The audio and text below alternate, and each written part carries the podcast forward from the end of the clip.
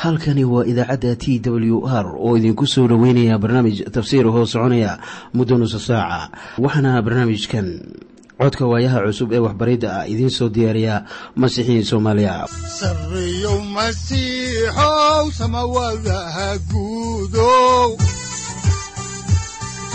siraadkii adduunkow subanaha eebow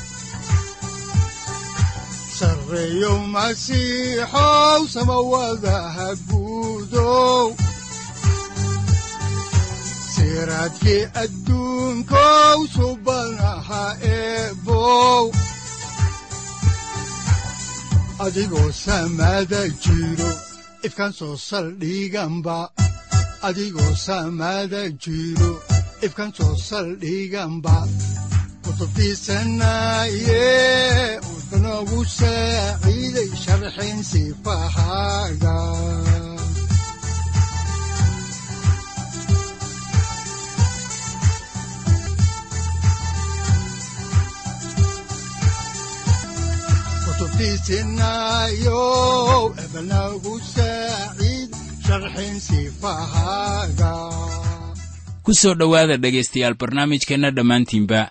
waxaan horay u sii ambaqaadi doonnaa daraasaadkii la magac baxay baibalka dhammaantii. Waxaannu idiin sii wadi doonnaa caawa kitaabka xaakinnada oo qayb ka ah axdigii hore. Markaana waxaannu idiin bilaabi doonnaa cutubka shanaad ee kitaabka xaakinnada oo qayb ka ah kutubta axdigii hore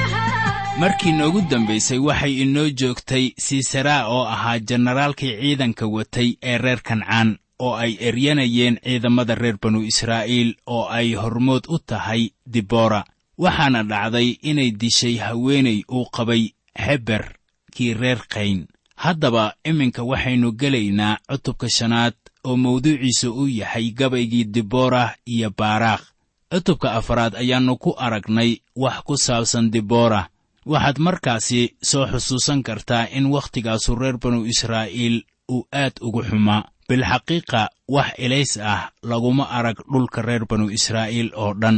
Oo dhanka waqooyi waxaa xukumayey dibora baaraakh iyo jecel. Ilaahna wuxuu reer banu israa'iil siiyey libintii waxayna heleen samatabixintii ay rajaynayeen. Haddaba gabayganu waa mid ka mid ah kuwa ilaah ammaanka ah waxaana gabaygu uu ku saabsan yahay wakhtigii dhibka lahaa ee ay soo mareen iyo sidii ilaah uu u samata bixiyey iyadoo ay horseed u yihiin markan diborah iyo baaraakh oo ahaa madaxdii reer banu israa'iil. Haddaan horay idinku sii wadno oo aan eegno iminka kitaabka xaakinnada cutubka shanaad aayadaha kow ilaa shan ee baalka saddex boqol kow iyo toban ee axdigii hore waxaa qoran sida tan deedna maalintaas waxaa gebiyey diborah iyo baaraakh ina abinocam oo waxay yidhaahdeen madaxdiibaa reer banu israa'iil hoggaamisay dadkiina iyagoo oggol ayay isbixiyeen taas aawadeed rabbiga ammaana. Bal maqla boqorradow oo dhegaysta amiiradow anigu anaa u gabyi doona rabbiga. Ammaan baan ugu gabyi doonaa rabbiga ah ilaaha reer banu israa'iil. Rabbiyow markaad siciir ka baxday iyo markaad ka socotay barrinkii edom ayaa dhulku giriiray oo samaddiina waa soo da'day daruurihiina biyay soo daadsheen buurihiina way u giriireen rabbiga aawadiis. Xataa siinaydaasu way gariirtay rabbiga ah ilaaha reer banu israa'iil aawadiis. Gabaygoodanu waa mid cilmiyaysan bilxaqiiqa oo suugaanu ay ka muuqato diborah waxay qiraysaa inay tahay haweenay hooyo ah oo reer banu israa'iil ah. Umana jeeddo inay howlo abuurato inay hoggaamiye u noqoto reer banu israa'iilna ma ahan wax fikraddeeda ka yimid laakiin ilaah baa u doortay shaqadan. Taariikhda ayaa inoo sheegaysa inay jiraan haween door ah oo dhiiggooda u daadiyey waddankooda. Soomaalidana waxay leedahay xaawataako oo reer muqdisho ahayd. Haddaba diborah waxay ka mid ahayd xaakinnada caanka ah ee reer banu israa'iil waxaanay ahayd qof shakhsiyaddeedu ay wanaagsan tahay. Waxaana muuqata in xaakinnada qaarkood ay kaga horraysay xagga kartida iyo waxqabadka.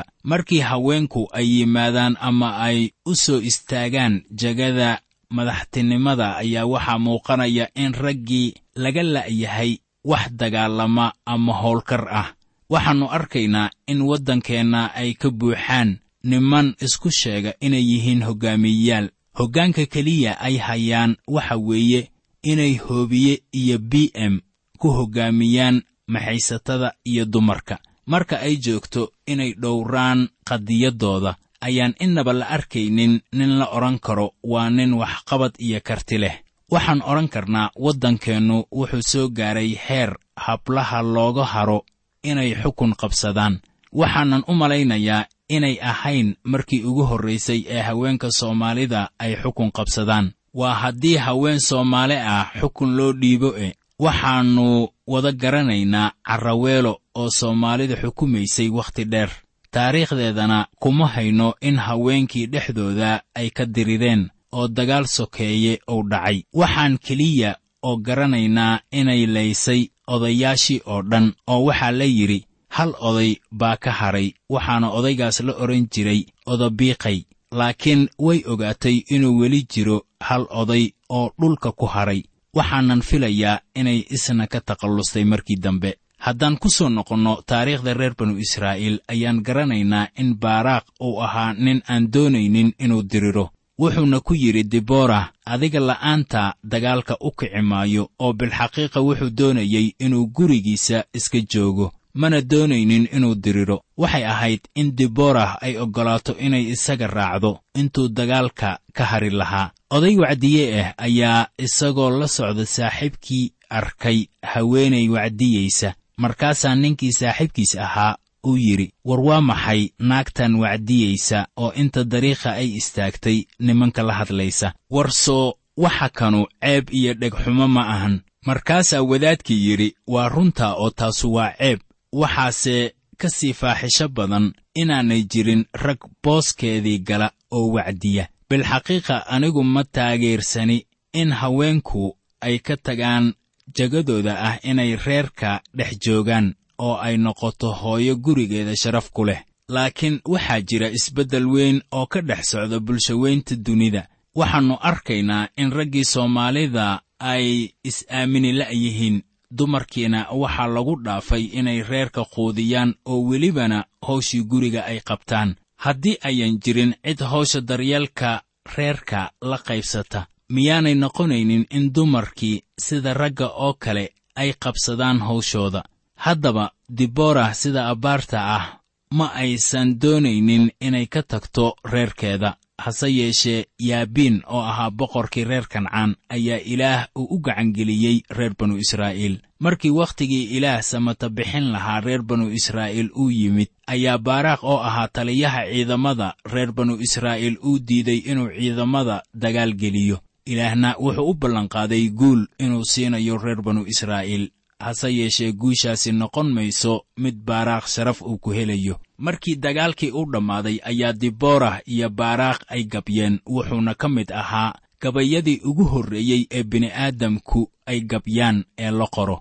Haddaan horay idinku sii wadno xigashada kitaabka oo aan eegno kitaabka xaakinnada cutubka shanaad aayadaha lix ilaa toddoba waxaa qoran sida tan. Wakhtigii shamgar inacanaad iyo wakhtigii yaaceel jidadka waaweynu cidlay ahaayeen oo socotooyinkuna waxay mari jireen waddooyinka qalqalloocan. Taliyayaashu way ka joogsadeen reer banu israa'iil way joogsadeen ilaa aan anigoo dibora ahu kacay ilaa aan kacay anigoo reer banu israa'iil hooyo u ah. Gabaygan wuxuu inoo sheegayaa shamgar oo ahaa xaakin sidaad xusuusanaysaanna isticmaalay usha dibiga si uu ku laayo lix boqol oo ciidamada cadowga ahaa wuxuu xaakin noqday wakhti ay jirtay sharci darro baahsan iyo damiir xumo. Xasilooni ayaan ka jirin waddooyinka waaweyn ee safarradu ay maraan waxaanay taasu keentay in dadkii ay ka caagaan inay waddooyinka waaweyn maraan. Waxaa dhacday in safarradu ay maraan waddooyinka yaryar waayo dhabbayaasha la qaado oo safarradu ay maraan ayaan xasilooni in yarba ka jirin welibana maanta ayaa waxaa waddankeenna ka jira aamin darro baahsan oo qofka caadiga ah aannu mari karin waddooyinka waaweyn hadduuna hubaysnayn. Haweenkuna ilaa maantadan la joogo waddan waliba ha joogaane ma mari karaan waddooyinka waaweyn goor habeennimo ah. Diborah taas way garanaysay waayo xasilooni darro baahsan baa taagnayd wakhtigeedii waxaa dabeeto gabaygeedu uu tibaaxayaa inaanay hoggaamiyayaal jirin waddanka oo hoggaamiyeyaashu awood ma lahayn isla sida dagaal oogayaasha maanta ayaan awood u lahayn. Dagaal oogayaashu awood ma lahan dhaafsiisan bililiqada ay la qaybsanayaan nimanka u dirira mana helayaan hal qof oo dooranaya.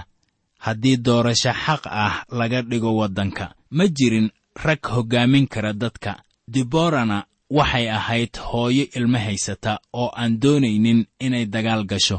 Bilxaqiiqa ma aysan doonaynin inay wax hoggaamiso laakiin maadaama aannu jirin nin xilka hoggaaminimada qaadanaya ayaa dani ay keenaysaa inay u dagaalanto waddanka.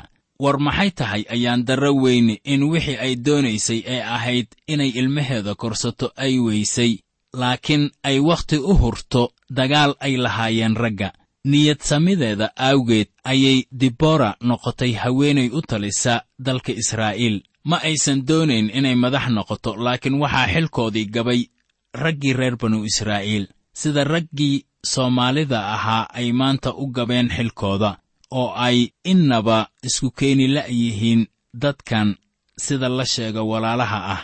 Waxay ka soo tagtay hawshii guriga waxayna qaadatay hawsha hoggaanka reer banu israa'iil markaasoo qarankeediina ay ilaah ka dheeraadeen. Haddaan dib ugu noqonno gabayga ayaannu xigashada kitaabka ka eegaynaa cutubka shanaad aayadda siddeedaad. Waxaana qoran sida tan waxay doorteen ilaahyo cuscusub oo markaasaa dagaal irdaha ka dhacay. Afartan kun oo reer banu israa'iil ma lagu arkay gaashaan ama waran. Waxaa halkan lagu caddeeyey in reer banu israa'iil ay inkireen ilaah. Isla sida ay dadka maanta ilaah u inkiraan ayay waxay samaystaan ilaah ku-sheegyo badan.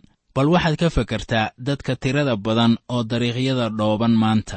Waxaanad eegtaa inta qof oo aan ilaah waxba ka oqoonin. Dibora ma aysan doonaynin in carruurteedu ay ku koraan deegaan aan ilaah laga aqoon.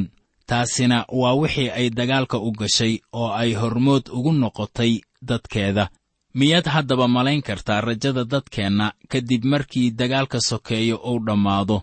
Qof waliba waxay la tahay in nabadi ay imaanayso ugu dambaynta. Bal aan eegno waxa hadalladii ilaah ay ka leeyihiin nabadda iyo xaqnimada. Waxaanan eegaynaa zabuurka shan iyo siddeetanaad aayaddiisa tobanaad ee baalka toddoba boqol lixdan iyo siddeed ee axdigii hore. Waxaana qoran sida tan naxariis iyo runu way isla kulmeen xaqnimo iyo nabaduna way isdhunkadeen waxaan arkaynaa in nabadda iyo xaqnimadu ay isdhunkadeen laakiin ayaan isla joogin. Rajo lagama qabo inaad aragto xasilooni iyo niyadsami wada socda. Markii nabaddu ay timaado dadku waxay ka fakarayaan sidii ay wax ku tacban lahaayeen waxaana ay bilaabayaan been iyo si xun wax u raadis iyo wasakhnimo iyo hunguri weyni iyo wixii la halmaala. Waxyaabahaasi dadku ay samaynayaanna ka heli maysid xaqnimo. Waxaa dibora ay leedahay welibana reer banu israa'iil daafac ama gaashaan ma ayan haysan ma ayan haysan hub dirireed oo ay cadowgooda isaga difaacaan. Dibora waxay leedahay markaan eegno gabaygeedan oo markii irdaha magaaladu dagaal ka dhacay afartankii kun oo reer banu israa'iil laguma arag gaashaan ama waran. Markaana israa'iil wax caawimaad ah ma ayan haysan. Haddaan horay idinku sii wadno xigashada kitaabka xaakinnada ayaannu eegaynaa aayadda sagaalaad waxaana qoran sida tan. Qalbigaygu wuxuu la jiraa taliyayaasha reer banu israa'iil kuwaasoo iyagoo oggol isku bixiyey dadka dhexdiis rabbiga ammaana xaaladda sidaas uma sii xumayn oo waxaa jiray taliyayaal ilaah ka cabsada. Diboorana waxay doonaysay inay ogaadaan kuwaas taageerada ay u hayso. Dibora waxay ka soo hor jeedday taliyayaasha diiddan ama aan garanaynin ilaah. Haddaan horay idinku sii wadno xigashada kitaabka ayaannu iminka eegaynaa cutubka shanaad aayadaha toban ilaa kow iyo toban. Waxaana qoran sida tan bal taas ka warrama kuwiinna dameeraha cadcad fuushan iyo kuwiinna ku fadhiya gogasha wanaagsan iyo kuwiinna jidka marow. Meelaha biyaha laga dhaansado oo ka fog qaylada qaansoolayda halkaasay ka maqashiin doonaan falimihii rabbiga oo xaqa ahaa kuwaas oo ahaa falimaha xaqa ahaa oo uu ku xukumay reer banu israa'iil. Taas ka dibna dadkii rabbigu waxay tageen xagga irdaha. Haddaba irdaha magaalada ayaa ahaan jiray meel dadku ay ku shiraan. Meel kasta oo ay dadku ku kulmaan intii ay ka hadli lahaayeen maaddooyinka maalintaas taagan iyo kuwii hore ayay ka hadli jireen waxyaabaha ku saabsan falimaha xaqa ah ee ilaah. Haddaan horay idinku sii wadno kitaabka ayaannu iminka eegaynaa cutubka shanaad aayadaha laba iyo toban ilaa saddex iyo toban waxaana qoran sida tan toos toos diboorahay toos toos oo gabay ku gabay. Baaraaqow kac oo kaxayso maxaabiistaada ina abi noocamow. Markaasay raggii gobta ahaa intiisii hadhay iyo dadkii soo degeen rabbigu waa ii yimid oo waxa uu iiga hiiliyey kuwii xoogga badnaa. Kadib markii reer banu israa'iil ay ka guulaysteen cadowga ayaa dibora mar kale ay u sheegaysaa baaraakh inuu talada qabsado laakiin uu diiday. Waxaana talada sii haynaya dibora waxay kaloo ogaatay inay ka xoog badisay kuwii xoogga badnaa. Haddaan horay idinku sii wadno xigashada kitaabka xaakinnada ayaannu iminkana eegaynaa cutubka shanaad aayadda afar iyo tobanaad. Waxaa qoran sida tan. Reer efraayim waxaa ka soo baxay kuwo xididkoodii uu yahay camaleekh dabadeedna adiga reer benyamiinow iyo dadkaaga kugu dhex jira oo reer maakiirna waxaa ka soo baxay taliyayaal. Reer sabaluunna waxaa ka yimid kuwa haya usha sargaalka wax qora. Haddaba halkan ayay qabiiladu isugu imaanayaan oo iyadoo gabaygeedii sii wadata ayaa diborah waxay tidhi sida ku qoran xaakinnada cutubka shanaad aayadaha shan iyo toban ilaa lix iyo toban sida tan oo amiiradii reer isakaarna waxay la jireen diborah oo sidii reer isakaar ahaa ayaa baaraaqna ahaa oo xagga dooxada ayay u ordeen iyagoo daba socda oo biyomareenka reer rubeen agtiis wax weyn baa lagu goostay. Maxaad xeryaha idaha u fadhisay?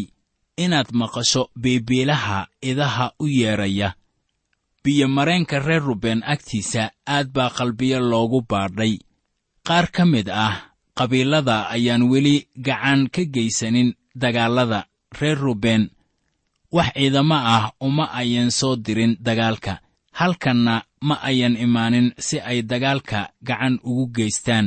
Taasoo si weyn loogu baahnaa waxay u dhowaayeen halkii dagaalku uu ka socday laakiin ma ayan imaanin. Sida abbaarta ah ma ayan doonaynin inay idahooda cid kale uga soo tagaan mana jirin cid ay ugu kalsoonaan kareen xoolahooda. Waxay u macaamiloonayeen sida inaannu dagaalba dhicin laakiin waxaa diborah iyo baaraag la soo saftay reer isakaar haddaan horay idinku sii wadno xigashada ayaa waxaa ku qoran kitaabka xaakinnada cutubka shanaad aayadda toddoba iyo tobanaad sida tan. Gilecaad wuxuu joogay urdun shishadiisa reer daanna muxuu dooniyaha ugu hadhay reer aasheer wuxuu weli fadhiyey xeebta badda oo wuxuu ag joogay durdurradiisa. Reer daan waxay mashquul ku ahaayeen beecsharo oo innaba dagaal uma ayan imaanin. Reer aasheerna waxay joogeen xeebta. Markaana waxaan inta ka arkaynaa in dabeecadda dadku ayaan isbeddelin. Isla sidii ay ahayd wakhtigii diborah ayaa dadku haatan ay yihiin oo waxaa jira kuwo badan oo aan doonaynin inay waddankooda daafacaan mana ahan inay sidaas yeelaan. Haddaan horay idinku sii wadno xigashada kitaabka oo aan eegno kitaabka xaakinnada cutubka shanaad aayadaha siddeed iyo toban ilaa sagaal iyo toban waxaa qoran sida tan. Reer sabaluun wuxuu ahaa dad geerida isku biimeeya. Reer naftaalina wuxuu isku biimeeyey meelaha dhaadheer oo duurka. Boqorradii waa yimaadeen oo ay dirireen. Dabadeedna boqorradii reer kancaanna waxay ku dirireen tacanaag taas oo u dhow biyaha megiddo oo lacag faa'iide ah ma ay qaadan. Waxaan inta ku arkaynaa in reer banu israa'iil ay gaashaan buuraysatay qolo cadowgooda ahayd. Waxay ku caawiyeen dagaalkii ka dhacay megiddo oo u dhow waxaa noqon doona maalin maalmaha ka mid ah armagedon haddaan horay idinku sii wadno xigashada kitaabka xaakinnada cutubka shanaad aayadda labaatanaad ayaa waxaa qoran sida tan. Waxay kala dirireen xagga samada xidiguhuna meeshooday siiseeraa kala dirireen marka aniga iilama muuqato in la odhan karo luqaddaasi waa hadallo gabay ah un laakiin farriimo kale ma xambaarsana. Waxaan dareensanahay in samadu ay ka hor imaadsan tahay mid waliba oo ilaah necab haddaan horay idinku sii wadno xigashada kitaabka oo aan eegno iminka cutubka shanaad aayadaha kow iyo labaatan ilaa saddex iyo labaatan waxaa qoran sida tan. Oo waxaa qaaday webi qiishoon webiga duqa ah oo qiishoon la yidhaahdo naftaydoy adigoo xoog leh hore u soco. Markaasay farduhu qoobabkoodii dhulka ku garaacayeen maxaa yeelay kuwoodii xoogga badnaa ayaa socod doonayey oo malaa'igtii rabbigu waxay tidhi meeroos habaara oo aad u habaara dadka deggan maxaa yeelay uma ay imaanin inay rabbiga caawiyaan oo ay uga hiiliyaan kuwa xoogga badan. Bilxaqiiqa anigu ma aqaanno meeroos laakiin hal baan garanayaa waxaana weeye inaanan doonaynin inaan dego magaalada meeroos kuwaasu uma imaanin inay caawiyaan shaqada ilaah waana la inkaaray. Maanta waxaa jira dad fara badan oo aan u imaanaynin inay gacan ka geystaan howlaha ilaah. Haddaan horay idinku sii wadno xigashada kitaabka xaakinnada ayaannu eegaynaa cutubka shanaad aayadda afar iyo labaatanaad waxaana qoran sida tan. Waxaa dumarka oo dhan ka baraka badnaan doonta yaaceel oo ah beberkii reer kayn naagtiisa way ka baraka badnaan doontaa naagaha teendhooyinka deggan iyadoo ay ugu wacan tahay falkii ay ku samaysay siisaraa maxaa wacay? Waxay ahayd wakhti colaadeed waxaana dariiqyada yaallay dad dhaawac ah iyo waxyaabaha laga dhaxlo dagaallada ruuxii dagaalyahannada ayaa sii xumaanaya oo waxaa halkaasi ka baxaya ilbaxnimadii. Waxaana muuqanaya xilliyada colaadda wuxuushnimo weliba oo taagan markaana wixii yaaceel ay samaysay waxay ahaayeen wax aad u xun oo haweenku ma ahan sida ragga inay wax laayaan. Waxaana dumarkii ka tagtay waxyaabo badan oo ay hiddo u lahaayeen oo waxay barteen wax waliba oo raggu uu sameeyo hadday noqon lahayd dirirta iyo khiyaanada ama xatooyada. Waxaa iminka la muujinayaa qalbiga hooyooyinka. Waxay leedahay siisaraa in kastoo uu ahaa cadow haddana wuxuu lahaa hooyo. Welibana waxay ammaanaysaa yaaceel falkeedii. Waxay kaloo ka fakaraysaa hooyadii siisaraa haddaan horay idinku sii wadno xigashada oo aan eegno haatan kitaabka xaakinnada cutubka shanaad aayadaha siddeed iyo labaatan ilaa soddon waxaa qoran sida tan. Siisaraa hooyadiis daaqadday wax ka eegtay oo ay qaylisay shabaggay ka qaylisay oo ay tidhi maxaa gaari faraskii u raagay oo maxaa dib u riday giringirihii gaari fardoodkiisa. Dumarkeedii caqliga lahaa way jawaabeen oo iyana way isu jawaabtay oo waxay tidhi miyaanay wax helin oo boolligii qaybsan. Oo nin kastaaba miyaannu helin gabarh ama laba gabdhood oo siisaaraa soo ma helin dhar booli ah oo kala midab ah. Miyaannu helin daabac kala midab ah oo miyaannu helin daabac kala midab ah oo labada dhan ku yaalla oo boolida qoortooda suran. Siisaraa hooyadiis waxay garanaysay wixii ku dhacay wiilkeeda. Waxay garanaysay inuu dhintay. Waxayse rajaynaysay in wiilkeedii guriga imaanayo laakiin ma imaanin. Marka ay sidaan tahay ayaa diboorah ay u naxaysaa siisaraa hooyadiis. Waayo iyaduba waxay ahayd hooyo oo way garanaysay xanuunka ay leedahay in hooyo ay weyso wiilkeeda. Haddaan dib ugu noqonno xigashada kitaabka xaakinnada cutubka shanaad ayaannu eegaynaa aayadda kow iyo soddonaad ee ugu dambaysa cutubkan. Waxaa qoran sida tan rabbiyow cadaawayaashaada oo dhammu sidaas ha u halligmeen.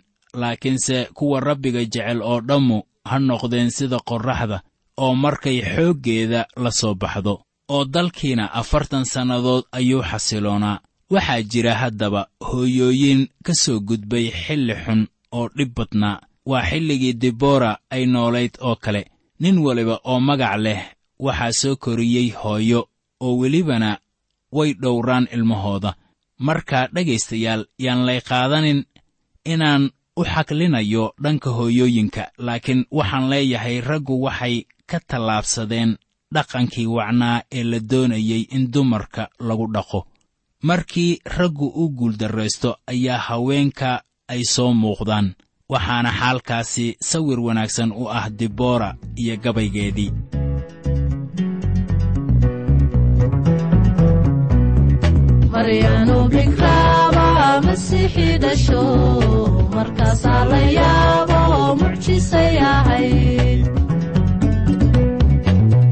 rag moogbay malaa'ig salaanto markaasay uruudu mucjisay ahayd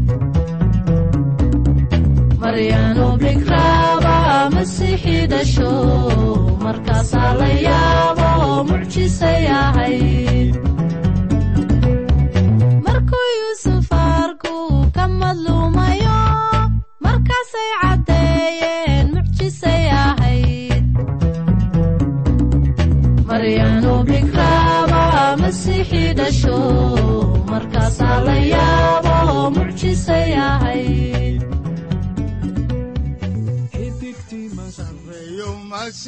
masiixow samawadaha guudow siraadkii adduunkow subanaha eebow.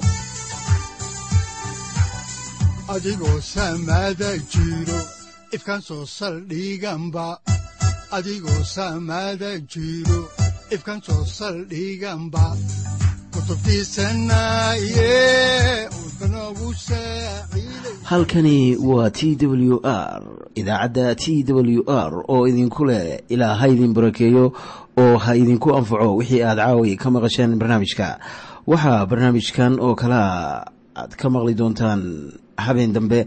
Hadahan oo kale haddiise aad doonaysaan in aad fikirkiina ka dhiibataan wixii aad caawi maqasheen ayaad nagala soo xiriiri kartaan som t w r at t w r c o k e haddii aad doonaysaan in aad dejisataan oo kaydsataan barnaamijka ama aad mar kale dhegaysataan fadlan mar kale booqo www t w r o r g. Amase www t t b t w r o r g. Amase waxaad teleefoonkaaga ku kaydsataa ama ku download garaysataa agabyada ku sahli karaa dhegeysiga t w r haddii aad doonayso in laga kaalmeeyo dhinacyada fahamka kitaabka amase aad u baahan tahay duco fadlan fariimahaaga soo mari bogga aaraahda ama kommentska inana jawaab degdeg ah ayaanu ku soo diri doonaa amase ku siin doonaaye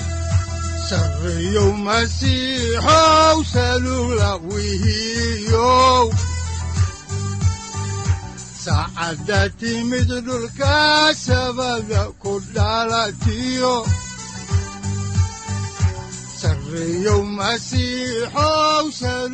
halkani waa t w r oo idiin rajaynaya habeen baraare iyo barwaaqaba leh. Inta aynu ka gaari doono wakhti aynu ku kulanno barnaamij la mida kan caawayay aad maqasheen. Waxa aan idinku leeyahay nabadda ciise masiix ha idinku badato xagga jidhka iyo ruuxaba. Aamiin